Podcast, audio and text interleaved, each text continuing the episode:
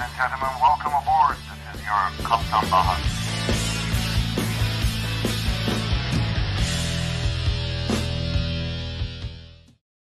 Herkese merhabalar arkadaşlar. Ben Kaptan Baha. Bu sefer çok özel ve çok ilginç bir haberle sizlerle beraberiz.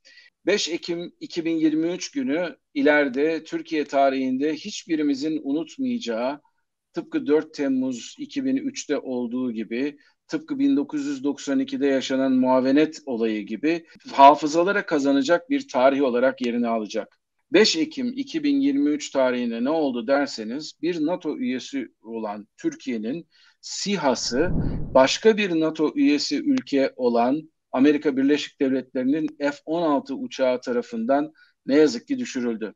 Bunun ayrıntılarını konuşacağız bugün sizlerle ve bu konuda da bizi aydınlatacak olan son derece değerli bir konuğumuz var. Sadece benim anlatmam olmazdı. Bu yıla, bu işe yıllarını vermiş ve bu konuda hem askeri konularda hem de strateji konularında son derece bilgili, son derece uzman bir insanı Sayın Hüseyin Fazlı'yı davet ettim kanalımıza. O da lütfetti, kırmadı davetimi ve bugün onunla konuşacağız bu olayı. Çünkü hakikaten üzerinde çok konuşulması gereken bir olay. Size hocam diye hitap etmem mümkün mü? Hocam hoş geldiniz desem. Hoş bulduk. Ben de müsaadenizle size hocam diye hitap edeyim. Estağfurullah. Estağfurullah. kullanalım. Peki. Peki. Hoş geldiniz her şeyden önce. Dediğim gibi hakikaten de nazik çok nazik bir şekilde davetimi kırmadınız. Son dakikada böyle bir bir anda size bir davet yollamıştım ve bu konuda da e, bizi bilgilendirmek için buradasınız. Her şeyden evvel hem benim adıma hem de takipçilerim adına size teşekkür etmek istiyorum. Ben teşekkür ediyorum bu nazik davetiniz için ve e, kanalınızda sizinle beraber olmaktan bizi izleyenlerin bizi takip etmesinden ziyadesiyle memnunum. Ben zaten sizi takip ediyordum. Bu vesileyle kanalınıza misafir olmaktan da ayrıca onur duydum. Çok teşekkür ederim. İsterseniz izleyicilerimiz arasında sizi takip etmeyenler olabilir. Sizi biraz tanıyalım. Doğrudur. Ben e, hava kuvvetlerinden emekli bir e, Tu generalim. E, F-16 savaş uçaklarında yıllarca uçtum. Onun öncesinde F-104 uçakları vardı. E, ikinci, üçüncü nesil kapsamında düşünebileceğimiz onlar da uçuşlar yapmıştım. Ayrıca e, hava kuvvetlerinde e, çeşitli kademelerde filo harekat subayı, filo komutanı, e, işte, harekat komutanı, plan harekat daire başkanı gibi çeşitli görevlerde e, bulunduktan sonra 2013 yılında kendi isteğimle emekli oldum. Bir yıl Pegasus Hava Yolları'nda e, hava yolu pilotu olarak uçuş gerçekleştirdim. Bu arada Türk Havacılık ve Uzay Sanayi TUSAŞ'ta çalışma fırsatı doğunca hava yolu pilotluğunu bıraktım ve e, Türk Havacılık ve Uzay Sanayi'nde yönetici olarak e, uçuş başkanı sıfatıyla görev yaptım 6,5 yıl kadar. Burada aynı zamanda tekrar e, bizim hava kuvvetlerindeki uçaklarımızın işte F-16 ile uçma, Hürkuş'la uçma fırsatı da buldum. 2021 yılından itibaren bir anlamda tamamen emekli oldum ve e, aynı zamanda da siyaset bilimi ve uluslararası ilişkiler benim biraz yan dalım gibi. Zaten her e, subayında uluslararası ilişkiler konusunda bir alt e, yapısı, bir eğitimi mutlaka vardır. Ondan evet. da e, güç alarak ben nihayetinde siyaset bilimi ve uluslararası ilişkiler alanında doktora yaptım. Şimdi birkaç arkadaşımla beraber Stratejik Araştırmalar Merkezi Strasam'ı kurduk. İki yıldır onu hem yönetiyorum hem de orada yazılar yazıyorum ve böylece topluma faydalı olmaya çalışıyoruz. Ben yazılarınızı yakinen takip eden bir insanım. Twitter'da da sizi yakinen takip ediyorum. Bu arada e, Strasam'ın yapmış olduğu, yayınlamış olduğu yazılar ve araştırmalarda gerçekten insanın bilgi dağarcığını bayağı açan e, şeyler. O yüzden hem size hem arkadaşlarınıza o konuda teşekkür etmek istiyorum. İsterseniz fazla uzatmadan konuya girelim. Tabii, tabii ki. E, şimdi ben biraz evvel girişte e, benim hatırladığım kadarıyla Türk-Amerikan ilişkilerinde benzeri olayları birazcık kapsamaya çalıştım, anlatmaya çalıştım. İşte aslında geri gidersek ta Johnson mektubuna kadar gidebiliriz. İnönü başbakanken tabii, tabii. olan benim zamanımdan önce olsa da tarih meraklısı bir insan olarak e, tabii okuduk bunları. E, evet. E, 75 yılında Amerikan üslerinin kapanması olayı var. Amerika'nın Kıbrıs Barış Harekatı'ndan sonra getirdiği ambargodan arkasından gelen. E, ondan sonra 80'lerde biraz ilişkilerimiz e, iyileşmeye başlıyor. 92 yılında bir muavenet tırnak içerisinde kazası var. E, evet. Bizim muavenet muha, muhribimizin vurulması olayı var. Onun dışında sanki böyle Amerikan-Türk ilişkileri sürekli olarak böyle iyi bir sürü ilişkiler olmasına rağmen sürekli de böyle kenardan kıyıdan köşeden biraz böyle pamuk ipliğine bağlı bir takım ilişkiler halinde de bugüne kadar gelmiş durumda. Hepimizin bildiği çuval olayına maalesef 4 Temmuz'da gerçekleşen olay var ve bugün de herhalde e, bu Anka Es'in vurulması e, bence üzerine tuz biber değil bulabileceğiniz her türlü e, saçmalığı da bir beraberinde getiren bir olay haline gelecek. Bu konuda stratejik olarak düşündüğümüzde gerçekten Türk-Amerikan ilişkilerinin sonu mu geliyor yoksa sadece dostlar arasında hani arada bir böyle bir arkadaşınızla ters gidersiniz ya onun gibi bir şey mi bu? Sanıyorum her ikisi de değil. Yani hem e, bizim stratejik olarak ABD ile aramızdaki e, ilişkinin kopmasını gerektirecek kadar büyük bir olay olduğunu ben bunu e, değerlendirmiyorum. Ama e, bir muavenet olayı kadar da tabii ki çok e, büyük bir olay değil. E, sonuçta içinde insan yoktu. İnsansız bir hava aracı. Fakat e, insanlı veya insansız Türkiye'ye ait olan bir platformun böyle e, sudan bir sebeple bir anlamda ABD tarafından Suriye üzerinde Türkiye'nin daha önceden uyardığı bir harekatın bir parçası olarak görev yapmakta olan e, TUSAŞ'ın yapımı e, uydu kontrollü Anka S insansız hava aracının düşürülmesi gerçekten büyük bir soru işareti. Bunu ben e, e, ilişkilerdeki koordinasyon veya bir anlamda bu harekata yönelik işbirliğinin yeterince yapılmadan e, bir takım adımların atılması olarak okuyorum. Aksi takdirde yani burada her iki ülkeyi karşı karşıya e, getiren bir durum yok. Zaten karşımızda Amerika'nın bizimle savaşmak için bir pozisyon yok. Sonuçta Suriye'de topu topu 900 tane askeri var ve kendileri zaten hiçbir şekilde kan dökülmesini istemiyorlar. Daha ziyade oradaki kendilerine sözde destek olan e, etnik Kürtlerden destek alıyorlar. İşte bizim PKK, e, onların YPG dedikleri ve Suriye'nin kuzeyinde özel yönetim e, kurmaya çalışan ABD destekli işbirlikçilerinin bir anlamda kanlarını dökerek IŞİD'le mücadele ettiklerini söylüyorlar ama en nihayetinde de Suriye'deki petrol kuyularına Amerikan iş adamlarının rahatlıkla erişebilmesi, nüfuz edebilmesi için burada Suriye'deki mevcut kargaşa ortamında Amerikan askerine de ihtiyacı var. Destekçilerine de ihtiyaçları var. İşit gibi bir bahaneye de ihtiyaç var. Dolayısıyla orada e, çok nazik bir denge var ama Türkiye'ye uzanan noktası nedir? Türkiye kendi güneyinde 900 kilometre uzunluğunda bir Suriye sınırında güvenlikli alana ihtiyaç var. Buradaki herhangi bir oluşumun zaten işte göçler herkes biliyor. Evet. Türkiye e, çok fazla sayıda göç almış bir ülke. Bunun arkasında siyasi ve başka nedenler var. Güvenlikçi paradigmalar var.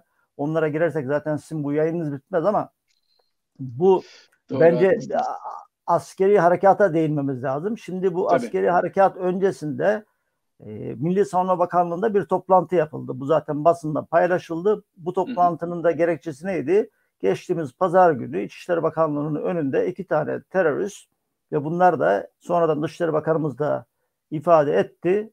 Suriye'den o YPG, PKK denen örgütün elemanlardan iki tanesi Türkiye'de Ankara'da bir eylem gerçekleştirdi. Şimdi bu eylem belki sonucu itibariyle e, şükür ki herhangi bir şekilde kayba neden olmadı. Yani daha önceki Ankara'daki eylemlerle kıyasladığımız zaman çok e, bize zarar vermedi ama verebilirdi. Dolayısıyla Tabii. bunu öyle okumamız gerekiyor ve e, bizim hem İçişleri Bakanlığımız hem Savunma Bakanlığımız hem e, Milli İstihbarat Teşkilatımız hem de Dışişleri Bakanlığı ortaklaşa bir araya gelip durumu değerlendirme ihtiyacını hissettiler ve neticede e, yapılan toplantıda yani 4 e, Ekim'dekinden bahsediyorum e, bir karar çıktı. Bu karara binaen hem e, Dışişleri Bakanı hem de Milli Savunma Bakanı ayrı ayrı açıklamada bulundular. Ama bu e, burada bu toplantıda benim dikkatimi çeken şey normalde böyle bir harekat yapılacaksa dışarıya hatırlayalım e, en azından e, seçim öncesindeki e, Milli Savunma Bakanı Hulusi Akar zamanında bu tür açıklamaları Sayın Akar yapıyordu. Evet. Şimdi Dışişleri Bakanı eski MİT müsteşarı Hakan Fidan Bey yapıyor. Yani burada bir Türkiye e, dışarıya karşı verdiği mesajda Dışişleri Bakanlığı üzerinden kendisini ifade etme ihtiyacını hissetti. Bunun doğruluğu ve yanlışlığını bizim e, kendi yani dışarıdan bakmakla çözmemiz, anlamamız mümkün değil ama ben eğer ki gerçekten bir orduyla harekat yapılacak e, ise bunun Milli Savunma Bakanlığı üzerinden dışarıya ifade edilmesinin daha doğru ve teknik olacağını değerlendiriyorum. Ama zaten bu harekat da bir e, tam manasıyla ordunun yaptığı harekat değildi. E, duyumlarıma göre haberlere de yansıdı gerçi. 15 kadar Türkiye'ye ait silahlı İHA görev yaptı. Şimdi bunların e, bir kısmı Milli İstihbarat Teşkilatı'na ait. Dışişleri Bakanı da eski Milli İstihbarat Teşkilatı Başkanı. Gerçi yanında e, mevcut yenisi de vardı ama e, nihayetinde e, bu insansız hava araçları kullanıldığı için ve operasyonun da ağırlıklı olarak bunlar üzerinden yürütüldüğü e, farzla kabul edildiğinde yaklaşık 30 kadar hedef vuruldu. Dolayısıyla sanki ordudan ziyade dışişleri eski MİT müsteşarı veya başkanı sıfatıyla Hakan Fidan'ın e, önderliğinde bir harekat icra ettik. Evet, e, ben de aslında bu konuyu biraz dile getirmek istiyordum. Çünkü bundan önce bu, bu kadar büyük bir e, ölçüde ne SİHA'lar ne hava kuvvetleriyle Kuzey Suriye'ye böyle bir harekat yapılmamış. Daha çok ÖSO'yu kullanarak e, kara harekatı işte Zeytin Dalı vesaire türünden yapılmıştı ama ben biraz evvel baktığım araştırmada e, Ankase düşürülen e, SİHA'nın yaklaşık 50'den fazla üretimi olduğunu gördüm. Yani bunların siz 15 tanesini bir araya getirdiğiniz zaman çok büyük bir güç çarpanı oluyor aslında yerdeki hedefleri vurması açısından. Bu bu, bu tür bir operasyon Türkiye tarafından ilk defa yapılıyor ve acaba diyecektim size sorum şöyle olacaktı. Evet. Eski müsteşarı Sayın Hakan Fidan'ın Dışişleri Bakanı olması bunda bir etmen midir? Bu nedenle mi böyle bir operasyona girişildi diye soracaktım ki siz şey dediniz yani aslında böyle bir şey genellikle Savunma Bakanı'nın önderliğinde yapılan bir operasyondur dediniz. E, doğrudur. Yani benim buradan okumalarım şu yönde. E, özellikle bu e, silahlı insan sava araçlarının büyük çoğunluğu MİT'e ait olanlar olmak üzere bu harekatta kullanıldığını değerlendiriyorum. Diğerleri evet. mutlaka destek vermiştir. Daha evet. sonra da e, e, dün gece yarısı savaş uçakları da taarruz etti. Bunlar zaten hava kuvvetlerinin mecburen evet. elindeki uçaklar. Sonuçta 30 kadar hedef vuruldu. Bu hedeflerle ilgili ön koordinasyon Türk makamlarının kendi aralarında yapılmıştır. Onda da herhangi bir e, sıkıntı olmaz ve zaten eşgüdüm içerisinde yapıldılar. Buradaki sorun aslında e, konuşmamız gereken Amerikalılar bizim insan hava aracımızı niye vurdular? Evet çünkü Amerikalılarla aslında e, daha çok böyle itilaf içerisinde olan başka ülkelerin sihalarını düşündüğümüz zaman örneğin birkaç ay önce Karadeniz'de e, evet. bir Amerikan Predator'ına e, Rus uçakları müdahale etti. Amerikalılar çıkıp da Rusların uçağını vurmadı. E, aynı şekilde Kuzey Suriye'de benzeri olaylar olmuştu. Bizim SİHA'mızı vurma rahatlığını nereden elde ediyorlar diye bir soru sorsam size nasıl düşünürsünüz? Ee, şimdi burada tabii ki e, U2 dönemlerine kadar gidebiliriz. Yani Türkiye'den kalkan U2 uçağının bir dönem işte e, Ruslar tarafından vurulması e, 1960'lı yılların başında. Şimdi evet istihbarat maksatlı herhangi bir e, hareketiniz varsa ki Karadeniz'deki olay da bir anlamda MQ-9 Amerikalılara ait Rus Su-27'leri tarafından işte yakıt püskürtme dediler, e, jet wash dediler, işte e, e, egzozdan, e, nozuldan çıkan havayla bastırma dediler. Şu veya bu şekilde ama onlar da herhangi bir şekilde silah kullanmadılar. Bizimki evet. farklı, bizimkine karşı silah kullanıldı. Dolayısıyla Ürdün'den kalkan bir F-16 muhtemelen Scramble kalktı. O bölüm tam net değil ve e, kalkıp bizim e, SİHA'yı vurdu. Şimdi buradaki sorun şu. Normalde herhangi bir şekilde işte buradaki farkı ortaya koymamız lazım. Eğer ki bu Türk ordusunun önderliğinde yani Silahlı Kuvvetler Komuta Harekat Merkezi veya Genelkurmay Harekat Merkezi, Hava Kuvvetleri Harekat Merkezi üzerinden bil fiil yapılıyor, yapılan bir harekat olsaydı veya orası kullanılmış olabilir ama onların e, yönetiminde olup olmadığından emin değilim. Hı-hı. O zaman mutlaka Amerikalı muhataplarıyla e, biz Suriye'de şu bölgede bu nokta olarak şu şu hedefleri vuracağız manasında değil ama e, işte oradaki e, haritalar A, B, C, D, E, F diye böyle karelere mutlaka e, koordinasyon kapsamında bölünüyor. Bunun e, karelerin büyüklüğü, küçüklüğü değişebilir. Bu Irak'ın kuzeyi içinde geçerli. Dolayısıyla biz burada hareket yaparken sizin dost unsurlarınız olmasın bölgede. Bu şimdi bir evet. ön koordinasyon ve bu saatle verilebilir. İşte biz yarın saat 15 ile 19 arasında tam saatini vermezsiniz. Biz bu bölgede olacağız. Yani müttefikiz dostuz ya. Zaten bu deklarasyonu yapman lazım. Onlar da benzer şekilde eğer sizin orada bir kuvvetiniz varsa onlar da size onu söyleyecek ki karşılıklı dost ateşi olmasın, karşılıklı düşmanlık olmasın böyle kazalar meydana gelmesin. Bu zaten herhangi bir harekatın, müşterek harekatın, birleşik harekatın mutlaka olmazsa olmazlarından bir tanesi. Muhabere şart. Şimdi burada e, Hakan Fidan ilk yaptığı açıklamada ne dedi? Yani biz bu harekatı yapacağız dedi. Çünkü sonuçta teröristler var. Teröristlerin oradan geldiği belli. Bir cezalandırma evet. harekatı düşünülmüş. Şimdi burada herhangi bir e, sıkıntı yok ama müttefiklerimiz de dedi yani hem onları korumasınlar dedi hem de o bölgeden yani uzak dursunlar dedi. Şimdi burada üçüncü ülkelere bir uyarıda bulundu. Üçüncü ülkelere uyarıda bulundular. Şimdi bu üçüncü ülkeler aynı zamanda nedir? Koalisyon ortağı ülkeler ve bizim PKK dediğimiz YPG'nin de e, bir anlamda o, destekçileri. Yani burada evet. onların desteklediği bir ekibe Türkiye harekat yapıyor. Burada zaten bir çıkar çatışması var. Muhtemelen Türkiye'yi ikna etmeye çalışırlar. Zaten 2019 Ekim ayından beri Türkiye'yi frenlemeye çalışıyorlar ki bunun için silah ambargosu dahi uyguladılar yani bu koalisyon ortağı ülkeler. Evet. Şimdi burada işte Kanada var, tavır... İngiltere var, Tabii. Almanya var. Yani sadece Fransa Amerika'da var. yok. Fransa Değil. var, Rusya evet. var.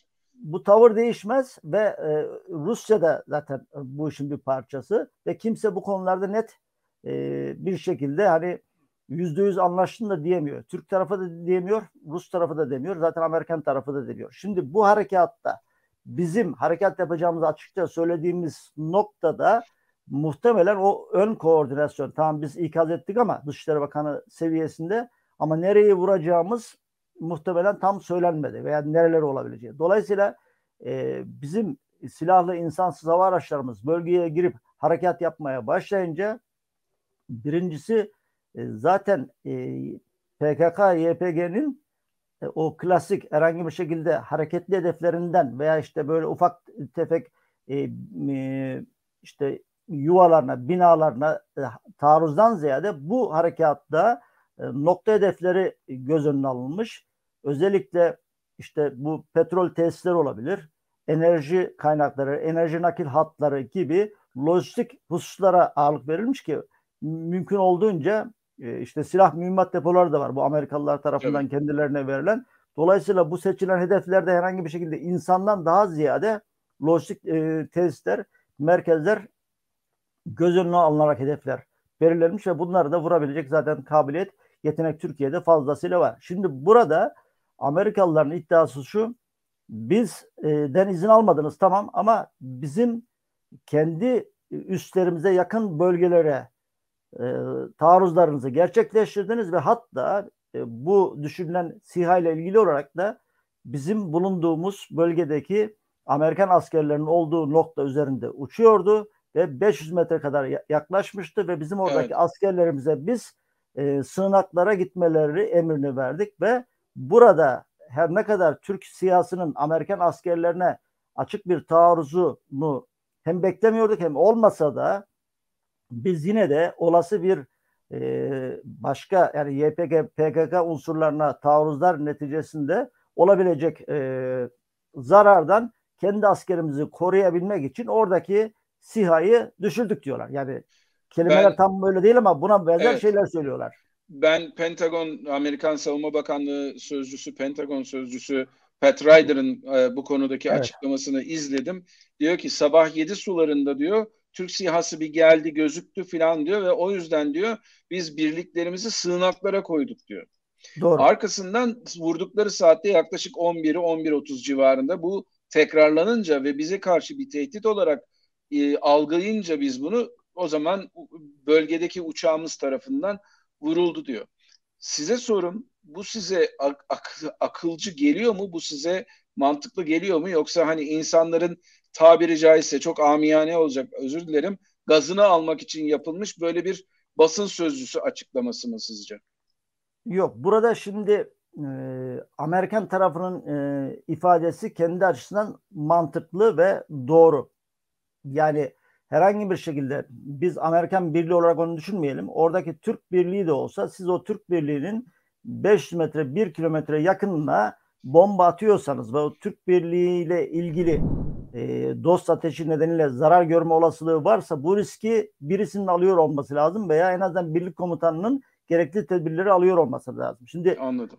Amerika tarafına bu e, her ne kadar hedef o, hedef olmadıklarını biliyorlar ama söylenmediği için bunu bir bahane olarak kullanıyorlar. İkincisi bu bir e, askeri e, yani tam silahlı ama orduya ait değil. Yani Milli Savunma Bakanlığı'nın sihası değil. Bunu zaten hep her, her birini takip ediyorlar. Bunlarla yönelik evet. herhangi bir sıkıntıları olmaz. Dolayısıyla bunun MİT'e ait bir siha olduğunun yüzde yüz farkındalar ve e, hani bunu vurmak demek e, Türkiye'deki bir istihbarat uydusunu vuruyorsunuz. Orduya ait herhangi bir şeyi vurmamış oluyorsunuz. Bu da hani iki ordunun karşı karşıya gelmemesi yönündeki bir ön tedbir gibi.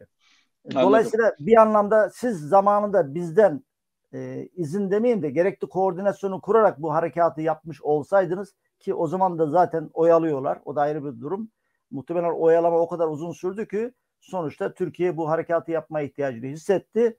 Onlar da eğer ki bizden izin almıyorsanız biz de böyle e, gelişen durumlara göre değerlendiririz ve size zarar verici bir harekat yapabiliriz. İşte F-16 ile SİHA'nın düşürülmesi bu şekilde ama burada Türk tarafına ben baktığım zaman hiçbir şekilde bu olayı büyütmediler. Hatta doğru dürüst açıklama falan yapılmadı. Ee, daha sonra Dışişleri Bakanlığı dedi ki SİHA'nın düşürülmesi hadisesi bizim hiçbir şekilde hedeflere yönelik harekatımızı engellemedi ve istediğimiz yerleri vurduk dedi ve vurmaya da devam edeceğiz dedi. Yani bu tür Hatta da devam ettik de zaten. Tabii devam evet. ettik. Dolayısıyla şimdi tabii e, bir F-16 savaş uçağımız bu şekilde Amerika tarafından düşürülmüş olsaydı olayın rengi çok çok farklı olurdu. Farklı olurdu.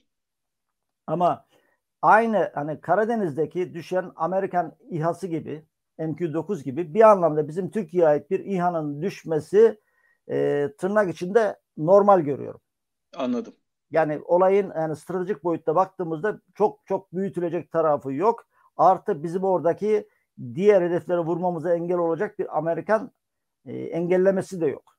Evet. Biz mesajımızı verdik. Onlar da karşılıklı bize mesajını verdi. Burada sonuçta tabii e, düşen İHA'nın bir maliyeti var. 10 ile 15 milyon dolar üzerindeki taşıdığı aparatlara, ekipmana göre değişir ama e, sonuçta böyle bir harekatta Türkiye gibi büyük bir devlet için bu İHA'nın e, sözü bile edilmez. Ama e, şu anda kanallar sanıyorum ki açıldı. Çünkü evet. İHA'nın düşmesi demek iki tarafta birbirine mesajını verdi ve mesaj karşılıklı alınıp verildikten sonra iletişim başlar malumunuz. Dolayısıyla başladı. Bundan sonraki harekatlarda iki tarafında daha koordineli bir şekilde ben e, konuşabileceğini ve e, Türkiye adına bir anlamda SİHA'nın düşmesinin elini e, yani koz olarak daha yukarıya e, çıkardığını düşünüyorum. Türkiye bunu her türlü harekatta bak biz geliyoruz lütfen şöyle şöyle yapın diyebilecek bir pozisyona geldiğini değerlendiriyorum ve pazarlık e, konusu olarak da ileride kullanılabileceğini düşünüyorum. Tabii bunları hani muavenet veya işte çuval olayından biraz daha farklı düşünmek lazım. Yani bu İHA'nın düşme Anladım. hadisesini veya işte daha önce helikopterlere de malumunuz başka şeyler oldu.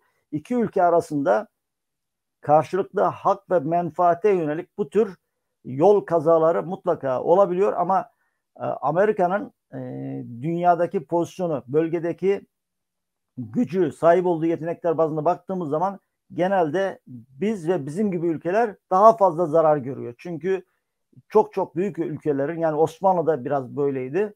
Yani büyük çok büyük ülkesi, çok büyük imkan ve yeteneklere sahipse biraz hani e, filin bu züccaciye dükkanına girme veya karıncalar ezmesi gibi Amerika böyle şeylere biraz es geçebiliyor ve Amerikan siyaseti belki es geçmiyor ama işte sahadaki asker yanlış yapabiliyor ve sonra da onu düzeltme yoluna gidebiliyorlar. ama bu ikili ilişkileri ve bizim gibi biraz daha duygusal yönü yüksek e, insanların yaşadığı Anadolu coğrafyasındaki bizleri rahatsız ediyor, rahatsız etti ve ben Amerika'ya bu manada aslında kınıyorum. Yani o evet. SİHA'yı düşürmeden de gereken mesajı verebilirdi. Amerika'nın yaptığını yanlış buluyorum ve Türk siyasının kendileri hedef olmadığını bile bile düşürmelerini de e, bu manada ikili ilişkiler adına zarar verici bir e, husus olarak görüyorum. Yanlış bir değerlendirme yapmışlar ama bu değerlendirmeden yani yanlışından ziyade hedefledikleri maksada uygun şekilde bunu muhtemelen bekliyorlardı ve daha önceden e, düğmeye bastılar. Şu şu olursa vuracağız dediler ve vurdular ve bunu da meşru müdafaa e, kılıfına sığdırdılar. Aslında meşru müdafalık bir durum yok ama bizim açımızdan yaptığımız yanlış adamların 500 veya 1 kilometre 5 metre 1 kilometre mesafesinde silahlı insansız hava aracını uçurmamamız gerekir ve oradaki yakın yerlere gerçekten büyük risk. Sonuçta e, modern mühimmat her ne kadar 3 metre 5 metre yani hedefe merkeze vurabiliyor ama sapma olunca da olabilir. Yani bu e, evet. kul yapısı dolayısıyla birisinin o riski alması lazım. Oradaki bizim siyahımızdan atılan mühimmatın gidip iki tane Amerikalıyı vurması halinde bunun hesabını kim verecekti? Bunun birilerinin ciddi ciddi düşünmesi gerekir. Bu da bizim tarafımızdan alınan bir ders olmalı. Anladım, anladım. Çok çok değişik konulara değindiniz hocam. Çok teşekkür ediyorum. Gerçekten de geniş bir bakış açısından bize olayı anlattınız.